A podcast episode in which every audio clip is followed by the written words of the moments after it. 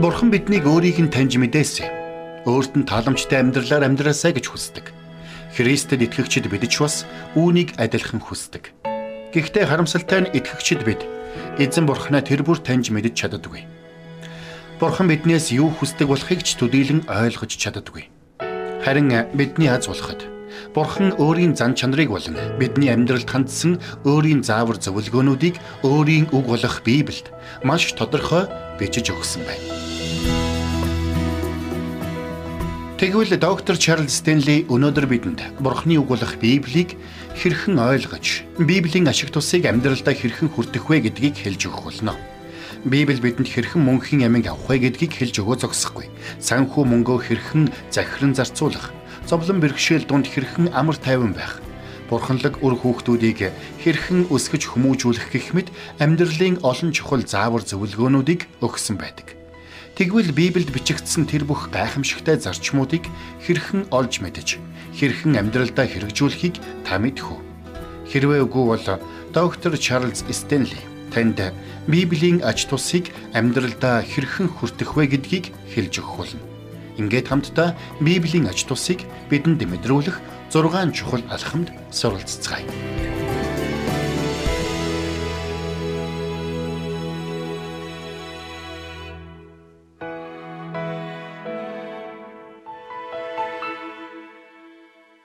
Бид аливаа зүйлийг хэр их хэрэглэж, ашиг тусыг нь хэр их хүртэж байна вэ гэдгээс тухайн зүйлийг хэр их нандинах вэ? Мөн хэр их үн цэнтэд тооцох вэ гэдэг нь шалтгаалдаг юм. Ингэхдээ нэгдүгээрт бидний үнэлж байгаа зүйл яг ямар мөн чанартай вэ гэдэг маш чухал.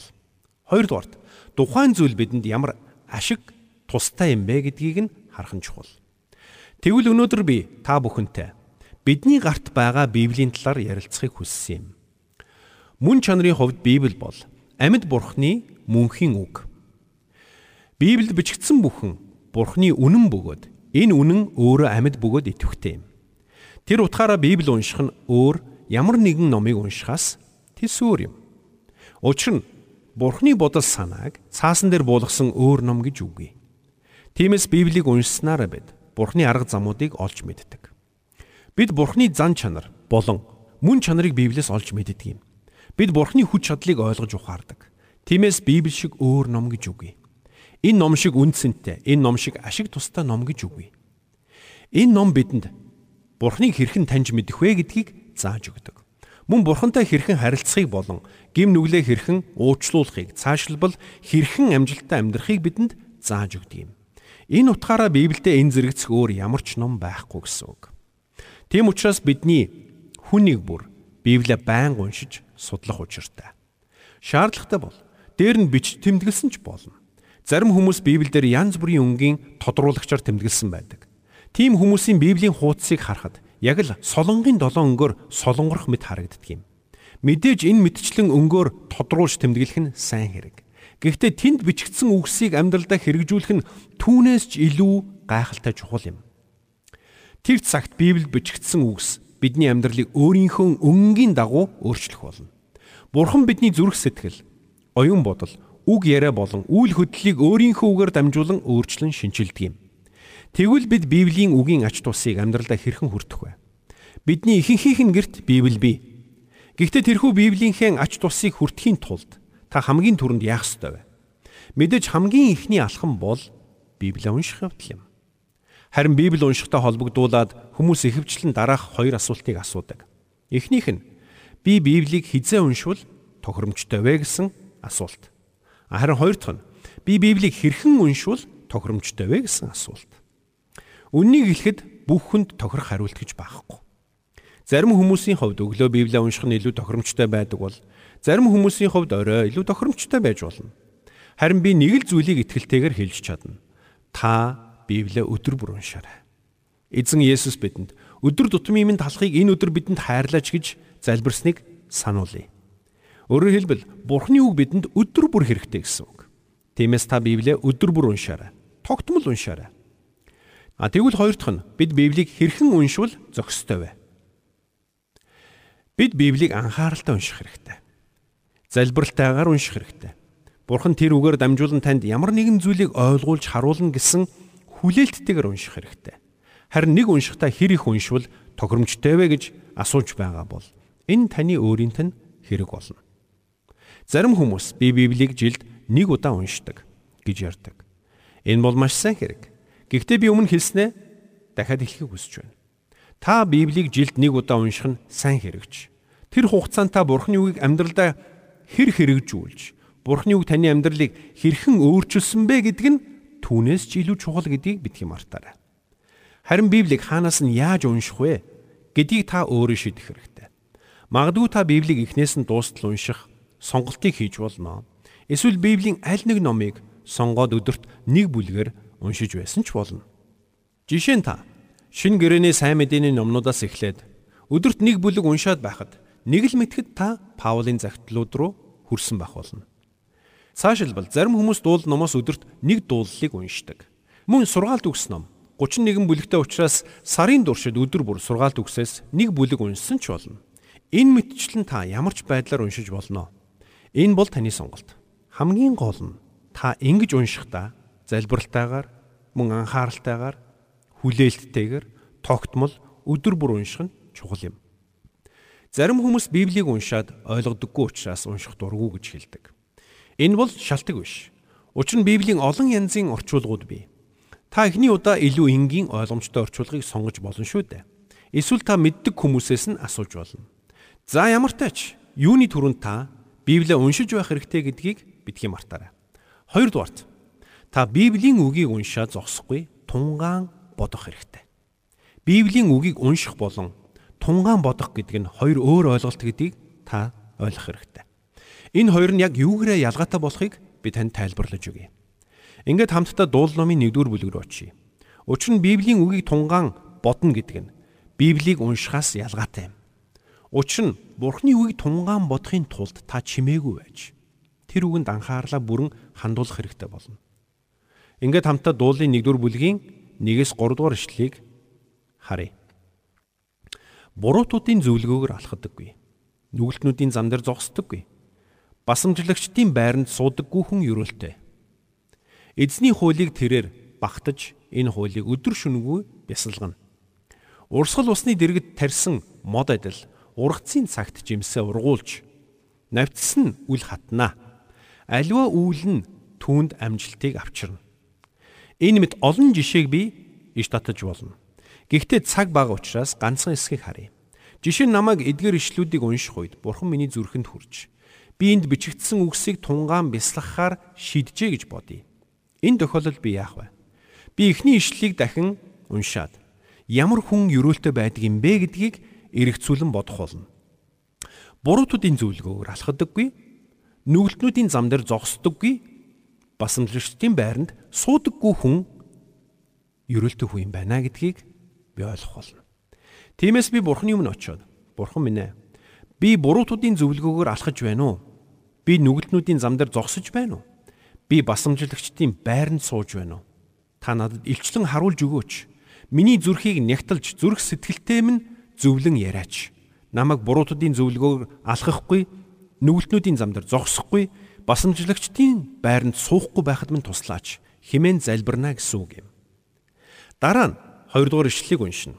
Эзний хуулийг тэрээр багтаж гэж энд бичгдсэнчлэн би бурхны үгийг үнэхээр багтаж байна уу гэж бурхнаас асууж залбирна гэсэн үг юм. Тэгэд бурхны үгийг багтах гэдэг нь яг юу гэсэн үг болохыг би эргцүүлэн бодно гэсэн үг юм. Би өөрөө бурхны үгийг багтаж байгаа эсхэ хэрхэн мэдэх вэ? Магадгүй энэ тохиолдолд би Библийн тайлбар тойл гаргаад багтах гэсэн үгийн наривчилсан утгыг харж болно. Ийхүү эргцүүлэн бодож тунгаан бясалгах үед цагаан цаасан дээр хараар бичигдсэн эдгээр үгс гинт ам орох мэд санагдах болно. Эзэн минь би үнэхээр таны үгийг багтаж байна уу? Эсвэл би өөр зүйлийг багтаж байна уу? Би хэн нэгэн хүнийг эсвэл ямар нэгэн эд зүйлсийг багтаж байна уу? Химэн би бурхнаас асуун залбирах болно. Цааш нь үргэлжлүүлээд энэ хуулийг өдөр шөнөгүй бясалгана. Химэн битсэн байсныг бид уншсан. Тэгвэл энд бичигдсэнчлэн бясалгах гэдэг үг яг юу гэсэн үг юм бэ? Энэ нь Библийн үгийг уншиж, Библийн үгэнд анхаарлаа хандуулж, энд бичигдсэн үг утга санааг бүрэн дүүрэн ойлгохыг ирмэлцнэ гэсэн үг юм. Өөрөөр хэлбэл би Бурхныг эрен хайж, Бурхныг болон түүний арга замуудыг таньж мэдхийг ирмэлцэн гэсэн үг. Бурхны хуулийг болон Бурхны амлалтуудыг таньж мэдэн түүний замуудыг ойлгож ухаарахыг хичээнэ гэсэн үг. Тэгвэл би Бурхны үгийг хэр их бясалгадаг вэ? Үнэхээр өдөр шөнөгүй бясалгаж чаддаг билүү? Бид Бурхныг таньж мэдхийн тулд өдөр шөнөгүй эрен хайж чаддаг билүү? Хэрвээ би Бурхны үгийг цаг ямагт бясалгаж Бурхныг таньж мэдхийн тулд өдөр шөнөгүй эрен хайх юм бол миний амьдралд юу болно гэж хэлсэн байна. Урсгал усны дэрэг таригдсан мод адил ургацын цагт жимсээ ургуулж навчсан үл хатнаа гэж бурхан айлтсан байна. Хэрвээ би мод байсан бол хаана ургахыг хүсэх байсан бэ? Мэдээж урсгал цэнгэг усны дэргэд ургахыг хүсэх байсан. Тэгвэл миний навчс үргэлж ногоон байж улирал бүрд үр жимсээ ариун ихээр ургуулах болно. Тэгвэл би бурхны үгэнд амьдралаа суйрлуулах юм бол яг л урсгал усны дэргэд ургасан мод мэт амьдрал минь цэцгэлэн дэлгэрэх болно гэсэн үг байна. Хүчтэй салхи шуурсан ч үндэс минь бат бих байх болно гэсэн үг байна. Түүгээр зогсохгүй аливаа үйл нь түүнд амжилтыг авчирна гэсэн байна. Тэгвэл би аливаа үйлс бүхэндээ амжилттай байя гэвэл юу хийх ёстой байна вэ? Бурхны үгэнд гүн бат үндэслэгдэх ёстой байна. За тэгэхээр энэ мэтчлэн эргцүүлэн бодож Бурхны үгийг тунгаан бясалгах үед цаасан дээр хараар бичигдсэн тэр бүх үгс Бурхны гайхамшигтай мэдлэгийн их ундраг болон хувирах болно. Бурхнаас ирэх баяр хөөр, амар тайван, сэтгэл хангалуун байдлын их сурулж болон хувирах болно. Тэр цагт таны амьдрал илүү үр жимстэй, илүү амжилт бүтээлтэй байх болно. Тэгвэл би танаас асууя. Та нарын хэд чин амьдралдаа ийм зүйлийг хүсэж байна вэ? Мэдээж бидний хүн бүрл ийм зүйлсийг хүсэн шүү дээ. Би сая дуул номын 1-р бүлгийн 3хан ишлэлийг л авч үзлээ. Гэтэл цаана нь Библи бүхлээрээ хүлээж байгаа гэдгийг санаарай. Дуул номын 3хан ишлэлээс бид ийм их зүйлийг ойлгож ухаарч байгаа юм бол Библи бүхэлдээ ямар агуу эрдэнсийг агуулж байгаа болоо. Тэгэхээр та Бурхны үгийг тунгаан бясалгахын тулд заавал эхийг унших шаардлагагүй байх нь.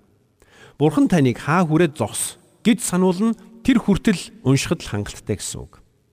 Тэгээд та уншсан зүйлээ тунгаан бодож эхлээрэй. Тэр цагт та Бурхны үгийг шавхагдшгүй баялгаас баг багаар хүртэж эхлэх болно. Бурхан таныг хүчрхжүүлж, өөрийгөө танд илчилж, таны алхаа гიშгээг улам бүр батжуулах болно. Тиймээс бидний хувьд итгэлийн амьдралынхаа туршид Бурхны үг эргцүүлэн бодож, тунгаан бясалгасаар байх нь чухал юм. Яагаад гэвэл залбирал болон Бурхны үгийг тунгаан бодох нь таны амьдралыг өөрчлөх хамгийн хүчтэй багж зэвсэг байх болно. Цаашилбал амьдралын альва хүнд хэцүүг даван туулахд чинь туслах хамгийн найдвартай туслагч чинь байх болно гэдгийг та бидхий мартаарай. За тэгэхээр сануулын нэгдүгээрт та бид Библийг унших хэрэгтэй байна. Тэгвэл хоёрдугаарт Бурхны үгийг тунгаан бодох хэрэгтэй байсан. За тэгвэл гуравдугаарт бид Библийг судлах хэрэгтэй. Маш олон хүн үүнийг сонсоод зүрх нь үхдэг. Яана би Библи уншаад ерөөсөө ойлгодоггүй шүү дээ гэж тэд боддог. Маш олон хүн Библийг ойлгодоггүй учраас уншдаггүй гэж хэлдэг. Тэгвэл та Библийг хэрхэн ойлгох вэ? Мэдээж уншиж, эргцүүлэн бодож, мөн судлаж байж л ойлгоно шүү дээ. Тэгвэл та Библийг хэрхэн судлах вэ? Та Библийг бүлэг бүлгээр нь, догол мөрөөр нь тэр бүх хэл ганц үгийг нь ч судалсан болно. Жишээ нь хин нэгэн хүн таныг гомдоосон байна гэж бодъё. Тэгээд та тэр хүнийг уучлах хэрэгтэй гэдгээ мэдэж байгаа ч уучлж чадахгүй байжээ гэж бодъё. Энэ тохиолдолд та юу хийх вэ? Бурхны үг рүү очиж уучлалын талаар уншиж судлана гэсэн үг шүү дээ. Тэгвэл жишээ нь Есүс Христ уулын сургаал дээр уучлалын талаар юу гэж айлцсан байдаг вэ? Үүнийг олж мэдхийн тулд та уулын сургаалыг гаргаад тэндээс уучлалын тухай өгүүлсэн хэсгийг уншина. Библийн тайлбар тол гаргаад уучлал гэсэн үгийн тайлбарыг уншсан ч болно. Тэр цагт Бурхан таны дотор ажиллаж үл уучлалаа ялан дэлхийд чинь туслах болно. Таны гомдоосон тэр хүнийг хэрхэн уучлж, тэр хүнтэй хэрхэн харилцах учиртайг чинь бурхан ойлгуулж өгөх болно. Тэгэхээр та Библийг судлахтаа үг үгээр нь судлах боломжтой байх нь. Цаашилбал бүлэг бүлгээр нь эсвэл Библийг нэг ном бүрээр нь судлаж болно. Жишээ нь Филиппо номын үндсэн сэдв нь юу вэ? Баяр хөөр. Колосо номын үндсэн сэдв нь юу вэ? Христ. Гих мэтэр судлаж болно. Мөн Библийн ном тус бүр өөрөөр сэдвтэй, өөрөөр зүйлсийг голчлон өгүүлсэн байдаг юм. Тэгвэл та тэр бүхнийг судлаж Библийг улам илүү таньж мэдэх боломжтой юм. Өөрөөр хэлбэл та Библийг зүгээр нэг өнгөцхөн уншаад өнгөрөх бус харин тунгаан бодож нягтлан судлах учиртай юм. Тэгэхээр бидний хийх ёстой эхний алхам нь Библийг унших. Хоёр дахь нь Библийн үгийг тунгаан бодох. Гурав дахь нь Библийн үгийг судлах явдал байсан. За тэгвэл бидний хийх ёстой дөрөв дэх алхам чухам юу юм бэ? Энэ бол маш чухал алхам байна. Бид Библийн үгэнд итгэх ёстой. Хэрвээ итгэхгүй бол дээрх бүх алхам ямар ч үр дүнгүй юм. Ингээд хамтдаа Еврей номыг гаргаад харъя. Бид өмнө энэ ишлэгийг уншиж байсан шүү дээ. Еврей номын 4-р бүлгийн 1-ээс 2. Инхээр түүний амралтад орох амлалт байгаа учраас та нараас хэн нэг нь өөрийгөө түнд хүрсэнгүй гэж санахыг гэдгээс эмээцгээе. Учир нь сайн мэдээ бидэнд тунхаглагдсны адил тэдэнд ч бас тунхаглагдсан. Гэтэл тэдний сонссон үг нь тэдэнд тус болсонгүй. Яагад гэвэл сонсогчдын дотор үг нь итгэлээр холбогддгүй ажээ. Үнэхээр энд бичигдсэнчлэн унсан үгэндээ итгэхгүй бол тэр нь ямар ч нэмэргүй юм. Тэгвэл бид Бурхны үгэнд хэрхэн итгэх вэ? Жишээ нь магадгүй та Бурхангүй үзэлтэн байгаад дотроо би Библийн үгэнд хэрхэн итгэх болж байна гэж асууж байж болох юм. Тэгвэл би танд Библийн үгэнд итгэх итгэлийг зааж өгье. Миний одоо танд хэлэх үг баг зэрэг үнэмшлгүй сонсогдож магадгүй юм. Гэхдээ би маш ихтэйгээр хэлж байна. Та зүгээр л Библийг уншиж эхэл. Тэр цагт Бурхны ариун сүнс өөрөө ажиллаж эхлэх болно. Учир нь итгэл нь Бурханаас өгөгддөг юм. Тиймээс та Библийг уншаад тэгээд Бурхны сүнс юу хийхийг хараарай. Таны уншиж буй үгээр дамжуулан ариун сүнс таны зүрхэнд хүрэх үед та өөрийн ирэхгүй тэр үгэнд итгэх болно. Тэгэхээр бидний хийх ёстой дөрөв дэх зүйл бол Бурхны үгэнд итгэх явдал юм. 5 дугаарт бидний хийх ёстой дараагийн чухал алхам бол Библиэд бичигдсэн үгсийг амьдралдаа хэрэгжүүлэх явдал юм. Тэгвэл Бурхны үгийг амьдралдаа хэрэгжүүлнэ гэдэг нь яг юу гэсэн үг вэ? Энэ асуултад хариулахын өмнө би нэгэн чухал зүйлийг танд хэлж өгмөр байна. Хэрвээ та Бурхны үгийг уншаад тэрхүү унссан үгээ дуулууртаагаар дагахгүй юм бол тэр үгээ амьдралдаа хэрэгжүүлэхгүй бол та хизэж Бурхныг ямар агуу бурхан болохыг бүрэн дүүрэн таньж мэдэж чадахгүй. Тиймээс Бурхны үгийг дуулууртаагаар дагна гэдэг маш чухал юм. Жишээ нь хэн нэгэн хүн Христэд итгэсэн ч усан баптизм хүртгээс татгалзаж байгаа бол тэр хүн Есүсийн хий химэн тушаасан чухал тушаалыг дагахаас татгалзаж байна гэсэн үг юм.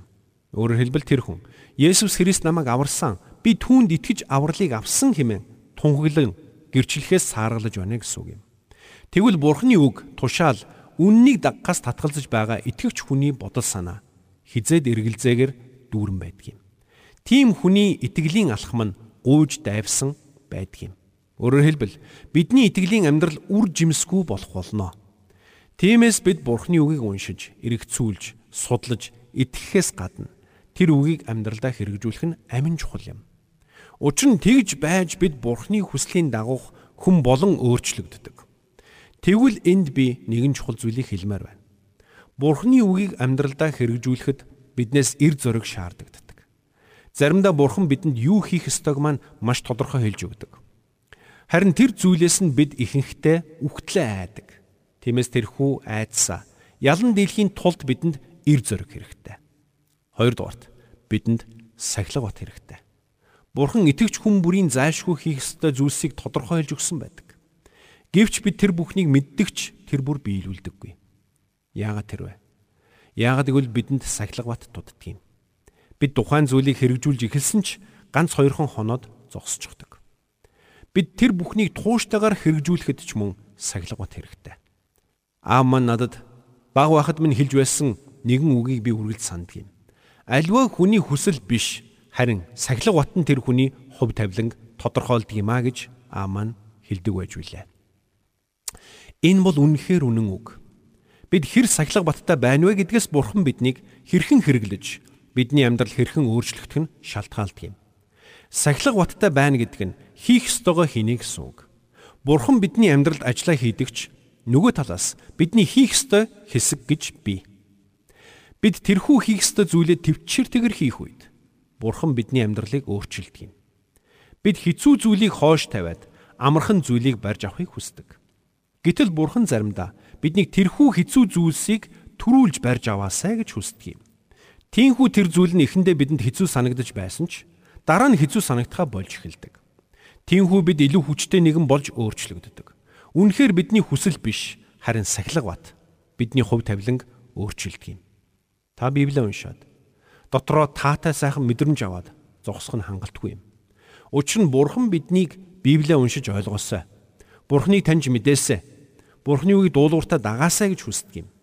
Тэгэхээр итгэж бидний хувьд Библи хэмээх энэхүү эрдэнсийн сангийн ашиг тусыг нь хүртэхийн тулд эхлээд Библийг унших хэрэгтэй. Дараа нь тунгаан бодох хэрэгтэй. Дараа нь судлаж мөн итгэж бас амьдралдаа хэрэгжүүлэх хэрэгтэй байх нь. Энэ бүхний эцэст өөр нэгэн алхмыг би танд хэлж өгмөр байна. Энэ бол Библийг бусадтай хуваалцах явдал юм. Тэр цагт та бусдыг тэнхрүүлээ зогсохгүй. Өөрөө хүчрхэж болно. Бурхны үгийг хуваалцсан гэдэг нь. Та өөрийн чинь зүрхэнд хүрсэн тэр ишлүүдийг бусадтай хуваалцсан ярилцсна гэсэн үг. Бурхан миний зүрхэнд энэ ишлийг өгсөн. Тэр энэ үгийнхээ дагуу миний амьдралд ийм зүйлийг хийсэн хэмээн бусдад гэрчлэн гэсэн үг. Тинхүү та Бурханы үгийг бусадтай хуваалцаж эхлэх үед та бусдад урам зориг өгөө зогсохгүй. Өөрөө ч итгэлээр илүү хүчрхэг нэгэн болон өөрчлөгдөх болно. Бурханы үгтэй холбоотой нэгэн чухал зүйлийг олж мэдснээ би танд хэлж өгөхийг хүсэж байна. Юу гэвэл Бурхан бидний амьдралд юу тохиолдохыг урдаас мэдэж байдаг. Тиймээс ч бид Бурханы үгийг уншиж судлан Бурханы дуу хоолойг сонсохоор хичээж эхлэх үед тэр бидэнд зарим үгээ маш тодорхой айлддаг юм. Харин тэр үг нь биднийг удахгүй бидний амьдралд тохиолдох зүйлд биднийг бэлтгэж байдаг юм. Энэ бол биднийг хайрладаг Бурханы хайрын илрэл юм. Тиймээс ч заримдаа Бурхан өөрийн үгийг бидний оюун санаанд маш тодорхой өгдөг. Тэгээд бид тэр үгийг нь олон хоног эргцүүлэн боддог. Учир нь тэр үгэнд хэлэгдсэн бурханлаг чанаруудыг бурхан бидэнд ойлгуулахыг хүсэж байдаг юм. Тинхүү бидний амьдралд хүнд хэцүү асуудал тулгарх үед тэдгээр зарчмуудыг бид марталгүй санаж таагүй нөхцөл байдал донд зөв алхмуудыг хийж чаддаг юм. Тиймээс үнэхээр Библи шиг агуу ном өөр хаач байдаггүй гэдгийг би бүрэн итгэлтэй хэлж чадна. Харин та бид энэ гайхамшигтай номыг уншиж тунгаан бодож, судлаж, итгэж, энд бичигдсэн үгс бүрийг амьдралдаа хэрэгжүүлж, мөн бусадтай хуваалцах үед тэрхүү бурхны агуу үнэт эрдэнсийг дотроо тээгч амьд эрдэнсийн хайрцаг болон хувирдаг юм. Бидний дотор буй тэрхүү үнэт эрдэнсийг мөнгөөр худалдан авах боломжгүй юм. Үхэлч үнийг биднээс булааж чадахгүй. Энэ бол мөнхийн эд баялаг юм. Тиймээс таны гарт байгаа Библи бол тэр чигтээ эрдэнсийн сан гэдгийг та ойлгоорой. Үнэхээр Бурхны үг бол таны амьдралдаа олж чадах хамгийн агуу үнэт эрдэнэс юм. Энэ л үг таныг амьдралын салхи шуурган дундуур аюулгүйгээр хөтлөн дагуулах болно. Цаашилбал таныг Библи уншиж судлаж Бурхны үгийн дагуу амьдрч байгааг таны үр хүүхдүүд болон ач зээ нар чинь харах болно. Энэ нэргээ таны үр хүүхдүүд ач зээ нарын чинь амьдралыг ч гайхамшигтайгаар өөрчлөх болно. Тиймээс та үр хүүхдүүддээ Библийн үгийг уншиж өгөөрэй. Тэд ойлгохгүй байж болно. Хамаагүй. Би хүүхдүүддээ баг байхад нь Библи уншиж өгдөг байсан. Тэгээд тэд ойлгохгүй зүйлсээ надаас асуух үед би тэдэнд нэгд нэгэнгүй тайлбарлаж өгдөг байсан юм. Таач бас үнийг хийгээрэй. Тэр цагт Бурхны үг тэдний амьдралынх нь салшгүй нэг хэсэг болох болно. Тиймээс та Библийн үгийг уншиж судлаарай. Энэ үгийг тунгаан бодож, энэ үгэнд итгэж, энэ үгийг амьдралдаа хэрэгжүүлж, энэ үгийг бусадтай хуваалцаарай. Тэр цагт таны амьдрал хэрхэн гайхамшигтайгаар өөрчлөгдөхийг та өөрөө ч харах болно. Учир нь бид Бурхны энэ л үгээр амьдарч, энэ л үг дотор амьдралаа төгсгөж, энэ л үгийн дагуу шүүгдэх болно. Тиймээс энэ үг бол таны амьдралын хамгийн чухал зүйл гэдгийг та бидхий мартаарай. Хамт залбирцгаая. Бурхан эцэг минь. Бид таны хувиршгүй мөнхийн үгийн төлөө танд бүх талархал магтаалыг өргөж байна. Өнөөдөр бидний суралцсан бүхнийг бидний зүрх сэтгэлийн гүнд сийлэн үлдээж өгөөч хэмээн залбирanгуйж байна. Эзэн Есүс ээ та бидэнд өдөр тутмын талахыг энэ өдөр бидэнд өгөөч хэмээн залбирanгуйхыг сургасан билээ. Үнэхээр бидний сүнсийг хооллогч талах бол таны үг билээ. Энэ л үгийг өдөр бүр уншиж, судлан энэ л үгээр хооллож амьдрахад минь туслаач. Эзэн Есүсийн нэрээр залбирч байна. Аамен. Хэрвээ таны өдөр тутмын амьдралын хуваарьт Библийн уншлагын цаг байдаггүй бол Библи унших зуршлыг амьдралдаа яаралтай хэвшүүлэхийг доктор Чарлз Стенли сануулж байна. Үнэхээр та Бурхны үгийг тогтмол уншиж, Бурхны үгтэй ойр дотн болох тусам тэндээс амийн гол ундран таны амьдралын талбар бүрийг тижээн тэтгэж байгааг та олж харах болно. Учир нь бидэнд үгээ өгсөн тэр Бурхан бол эдхэмжит Бурхан юм. Библиэд Бурхны итгэмжит байдлын талаар олон удаа өгүүлсэн байдаг.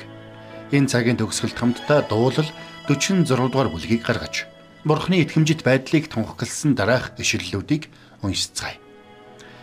Бурхан бидний хорогдох газар ба хүч зовлон шаналн донд үнэхээр олддог тусламж. Дэлхий өөрчлөгдөхөд ч далайн зүрх рүү уус нуран орохтож бид айхгүй. Ус хүрхрэн хөөсрөхөд ч уулс сүртэйгээр ганхан чичрэхэд ч айхгүй. Бурхны хотыг хамгийн дээд нэгний ариун оршихуйг баясгадаг урсгалт гол бий. Бурхан тэхий голдон бөгөөд тэр нь ганхахгүй. Бурхан түүнд үүр цайхад туслана. Улс үндэстнүүд түрхэрч хаанчлалууд ганхжээ. Дуу гарахт нь газар хайлав. Төг төмдийн эзэн бидэнтэй хамт Яаковын бурхан бидний хүчит цайз. Амен.